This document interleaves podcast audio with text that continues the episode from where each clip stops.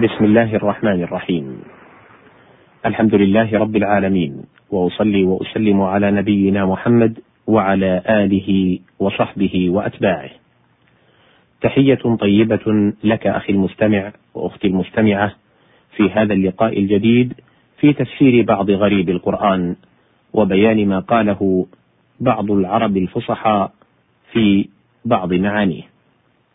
توقف بنا المقام عند مادة الجيم والزاي والهمزة. قال الله سبحانه وتعالى في سورة الزخرف: وجعلوا له من عباده جزءا إن الإنسان لكفور مبين. قال قتادة: أي عدلا، يعني ما عبد دون الله عز وجل. وقال الزجاج: جعلوا الملائكة بنات الله. وقال بعضهم أجزأت المرأة إذا ولدت أنثى. قال إن أجزأت حرق أنثى فلا عجب قد تجزئ الحرة المذكار أحيانا. قال مجاهد وجعلوا له من عباده جزءا أي نصيبا وحظا وهو قول العرب الملائكة بنات الله. تعالى الله عما يقولون. وقال قتادة شبها ومثلا أي ندا وعدلا إذ عبدوا الملائكة والجن. وقال أبو إسحاق الزجاج إن معنى جزءا ها هنا بنات يقال له جزء من عيال أي بنات.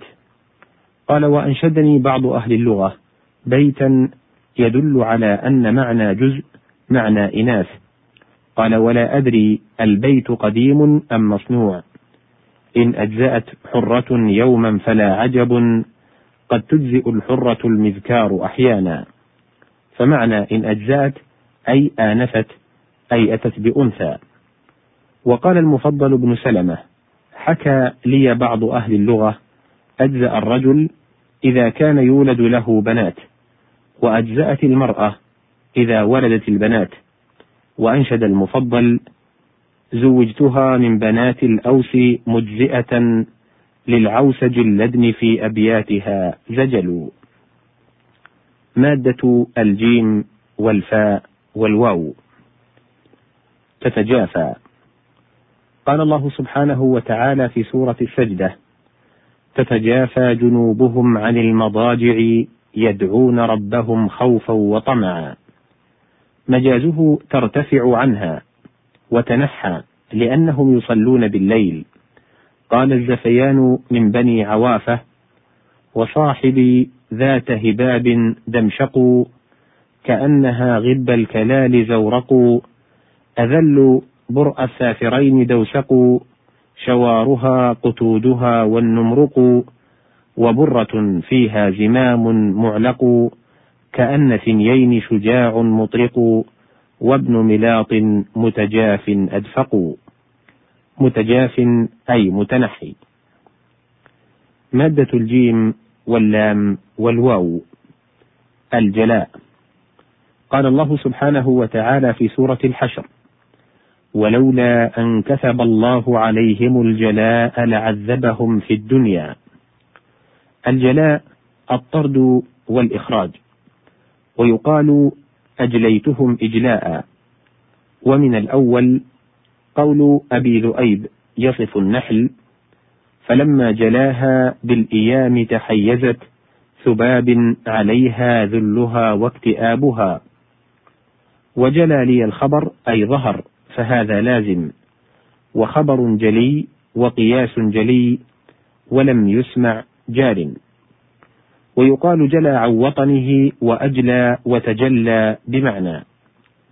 وقوله والنهار إذا تجلى أي انكشف. وقوله والنهار إذا جلاها أي جل الشمس لأنها تبين إذا انبسط النهار. وابن جلى كناية عن النهار. ومنه قول سحيم ابن سيل الرياحي أنا ابن جلى وطلاع الثنايا. متى أضع العمامة؟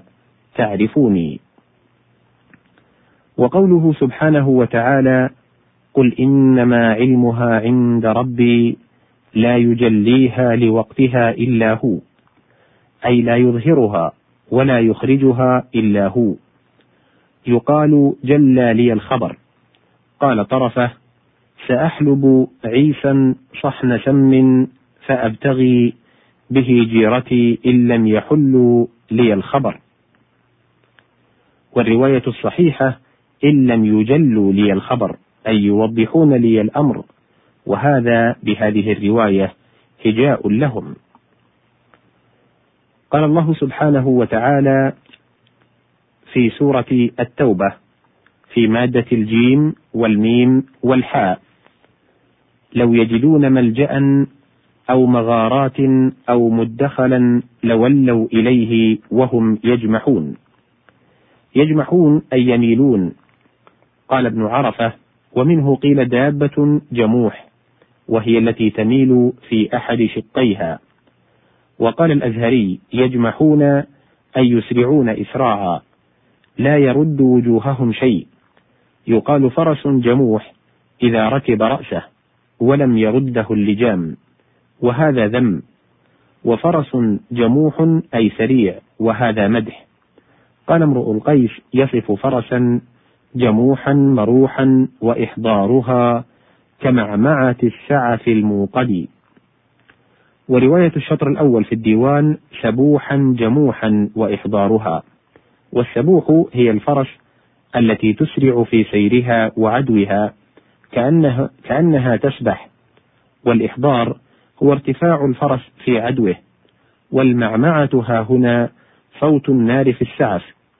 وقوله مروحا فإنه من المرح وهو النشاط. يقال فرس مروح وممرح وممراح أي نشط. مادة الجيم والميم والميم. جمّا. قال الله سبحانه وتعالى في سورة الفجر: وتحبون المال حبا جما. في مسائل نافع بن الأزرق لعبد الله بن عباس رضي الله عنه قال أخبرني عن قوله تعالى حبا جما قال كثيرا أما سمعت قول أمية إن تغفر اللهم تغفر جما وأي عبد لك لا ألما مادة الجيم والنون والباء. جانبه. قال الله سبحانه وتعالى في سورة الإسراء: وإذا أنعمنا على الإنسان أعرض ونأى بجانبه وإذا مسه الشر كان يئوسا. قوله تعالى أعرض ونأى بجانبه قال ابن عرفة أي امتنع بقوته ورجاله يدل على ذلك قول امرئ القيس غزوت على أهوال أرض أخافها بجانب منفوج من الحشو شرجبي. وقوله بجانب أي برجل يجنب فرسا أي يقوده ويعني نفسه والشرجب الطويل. وقوله منفوج أي قد انتفج من الشحم. هنا تنتهي هذه المادة وبها تنتهي هذه الحلقة. إلى لقاء قريب بإذن الله. والسلام عليكم ورحمة الله وبركاته.